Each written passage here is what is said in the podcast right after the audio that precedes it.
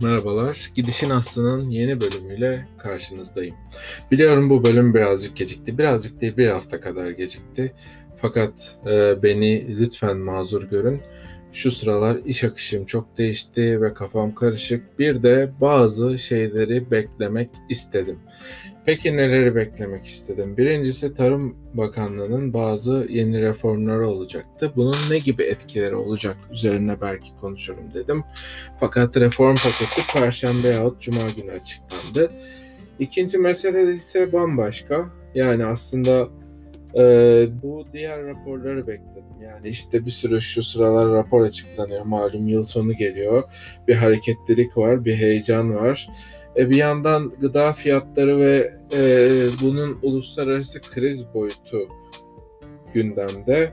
E, bütün bunlar olurken bütün bunları beklemeden böyle bir bölüm çekmek birazcık zor olacaktı. Bir de işin daha ilginç tar- bir tarafı var. Ben biraz bu podcastler üzerine ne yapılır, ne edilir diye düşünmeye, çabalamaya başladım. Yani bu işi biraz daha iyi yapmak istiyorum. Sizlere daha profesyonel olarak bu işi sunmak istiyorum gibi dertlerim var ve bu yüzden ona göre çalışıyorum. Belki de bundan sonra bölümler iki haftada bir gelecek. Ama şöyle bir şey söyleyeyim. Belki de bir süre ara vermeyi de düşünebilirim. Bunu da sosyal medya hesaplarımdan duyururum. Çünkü bu konuda cidden köklü bir değişikliğe gitme hevesim var. Peki bu hafta kafamı niye ekmek meselesine taktım? Sizlere bundan bahsetmek istiyorum. Şimdi pek çok şey yaşanıyor ülkemizde gerek tarımsal olarak gerek başka açılardan ve bu yaşanan şeylerin ucu birbirine aslında belli noktalarda değiyor. Peki nerede değiyor? Şimdi öncelikle şunu söylemek istiyorum. Yani ülkemizde şu anda çok büyük, şiddetli bir kuraklık yaşanıyor ve bu yaşanan kuraklığın etkilerini her birimiz hayatın her alanında farklı yönlerden görüyoruz. İşte bu kuraklığın e, sebebi olan iklim krizi nedeniyle oluşan e, şiddetli dalgaların etkilerini hayatlarımızda görüyoruz. Ya mesela İstanbul'da dün gece yaşanan dolu felaketleri gibi ve bunlara süper hücre deniyor ve bunlar basınç farklarından oluşuyor gibi meseleler var. Fakat bütün bunların hayatımıza en çok dokunan yanı şüphesiz belli bir noktada toplanıyor. Tarımsal ürünlerin rekoltesi azalıyor sulama eksikliklerinden ötürü ve bu azalan rekolteler dünya çapında bazı sıkıntılar doğuruyor. Bildiğiniz gibi ülkemiz birazcık e, ithalatçı ülke konumuna düştü. Özellikle buğday gibi, mercimek gibi geçmişte bu toprakların her yerinden fışkıran diye tabir edilen ürünler noktasında. Ama daha da ilginç bir durum var. Ülkemiz ithalatçı duruma düştü ama ihracatçı ülkeler de kıtlık çekmeye başladılar yavaş yavaş. Ve tabii ki stratejik gıda ithalatı söz konusu olduğunda olan fiyatlara dolayısıyla biz tüketiciler oluyor. Peki ne oluyor? Rusya'da buğday olayında, ciddi, buğday üretiminde ciddi bir kayıp gerçekleşiyor. Amerika'da hakeza öyle.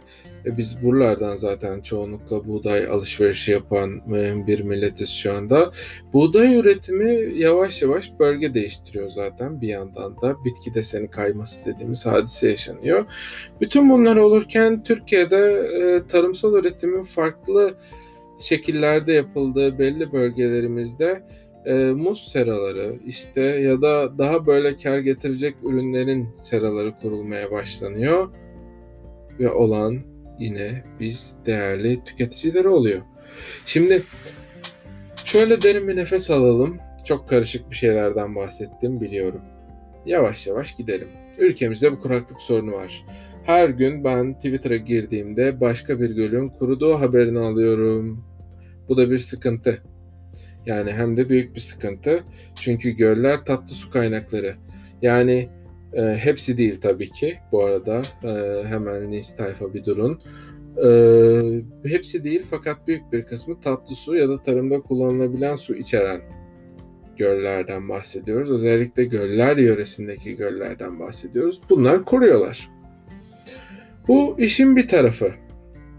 Yani bu kuraklık bizim üretimimizde ciddi kayıplara yol açıyor. Bunun ne kadar kayıba yol açtığını herhalde Eylül sonu, belki Ekim ortası gibi falan sizlere söyleyebileceğim. Hasat mevsimleri tamamlandıktan sonra ve bunlar işte satışlar, alımlar gerçekleştikten sonra. E bir de e, bütün bunlar olurken e, üreticiden mal almak yerine e, ya da üreticiyi destekleyip seneye daha çok üretim yapmak yerine e, fiyat kontrolü için çeşitli tedbirler alıyoruz. Yani bu tedbirlerden en çok bilineni ve halk nezdinde en çok görünür olanı ihracat ve ithalat konusunda kaldırılan, tak diye kaldırılan ve tak diye konan vergiler. Şimdi ver, bir ürünün ithalatından vergi kaldırmak demek o ürünün ithalatına benim ihtiyacım var. Sen bu ithalatı yap canım kardeşim. Ben de senin arkandayım demesi devletin aslında. Ama öteki tarafta üretici malını fiyat, belli fiyatlara satamadığı için şikayet çekiyorsa bu aslında birazcık da sıkıntılı bir duruma yol açıyor gibi ne dersiniz?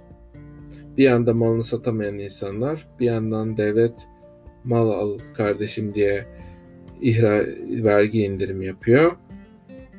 Bu işte bir terslik var gibi bence. E bu işin çok basit bizim küçük ölçüde gördüğümüz boyutu. E bir de bu işin başka boyutları da var. Zaten bu podcast'te bunu anlatmak için. Bu podcast'in derdi bu. Peki bu başka boyutlar neler? Rusya buğday ihracatı yapmak istemiyor. Bu ne demek? İhracata ekstra vergiler yüklüyor. Peki neden bunu yapıyor? Çünkü bizim çektiğimiz kuraklık sıkıntısını yer yer Rusya da çekiyor. E onun haricinde başka küresel durumlar ve oyunlar da işin içine giriyor. Amerika'da bir kasırga oluyor. Bu kasırga sonrası gıda fiyatları yükselmeye başlıyor. Neden? Çünkü tarımsal üretim devi olan Amerika'nın gıda ihracatının büyük bir çoğunluğu bu kasırganın vurduğu bölgedeki nehirden dünyaya dağılıyor. Küreselleşen dünyada ilişkiler karmaşık hale geldiği gibi bu karmaşa belli felaketlerle birlikte daha büyük felaketler yaratıyor aslında hayatımızda.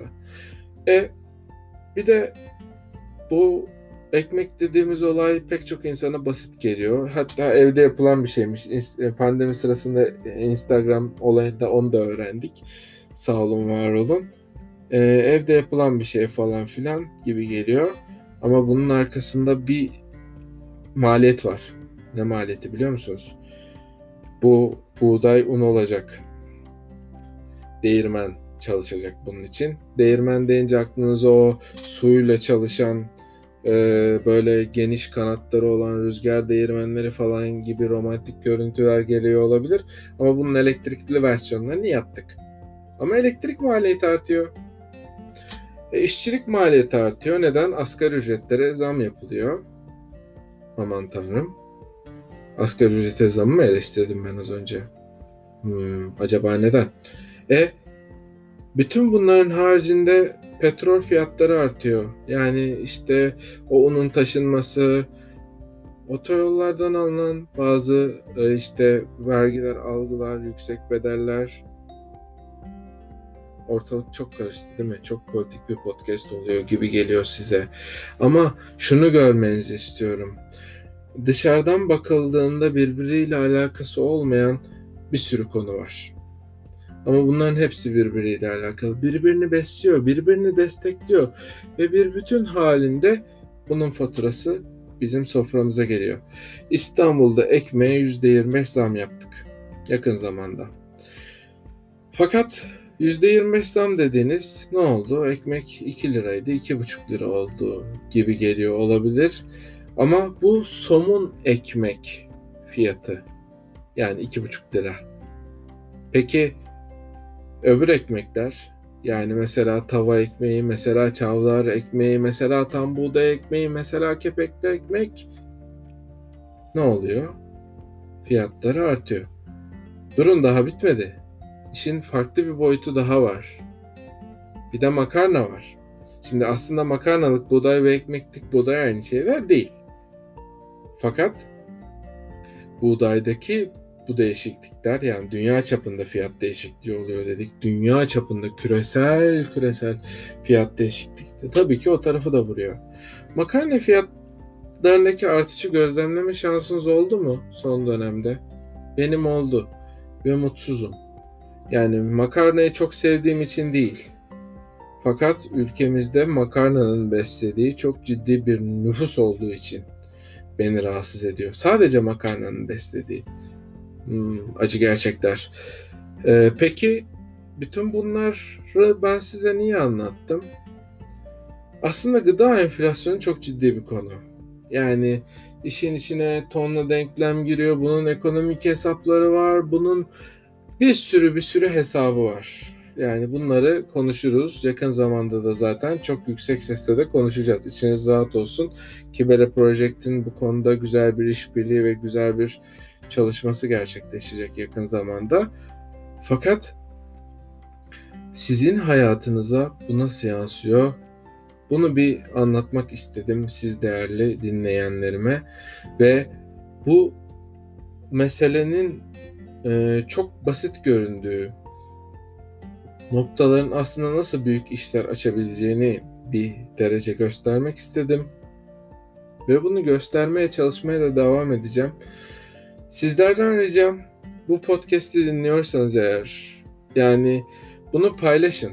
İnsanlara e, kendi fikrinizmiş gibi bile anlatsanız benim için uygundur. Çünkü benim derdim sesimi duyurmak. Ya daha doğrusu bu sesi duyurmak. Aslında sizin sesinize ses olmak. Peki biz ne yapabiliriz? Gidin ekmek fırınlarına yakın demiyorum. Yani böyle bir şey diyemem de zaten. Onu zaten yakın zamanda hükümetimiz yapacak gibi duruyor. O konuda içiniz rahat olsun. Çünkü bizde genel bir hastalık vardır. Bu sadece şu an başı, şu anki yönetimle alakalı bir durum değil. Ee, genel bir hastalık bu ülkemizdeki. Bir sorun olduğu zaman sorunun kökenine gidelim, bunu çözelim. İşte burada bir problem var, genel sistemsel bir sorun var demiyoruz. Diyoruz ki Hani bunun neresinde karşılaşıyorsak, fırında mı karşılaşıyoruz? Gidip fırını denetliyoruz. Markette mi karşılaşıyoruz? Market gidip marketi denetliyoruz. E sonuç ne oluyor? Sorun geçici bir süre çözülüyor. Arkasından yeniden başlıyor. Beni dinlediğiniz için teşekkür eder. Sizlere artık günün hangi saatinde dinliyorsunuz bilmiyorum ama huzurlu bir uyku ve güne güzel bir başlangıç dilerim. Kendinize iyi bakın.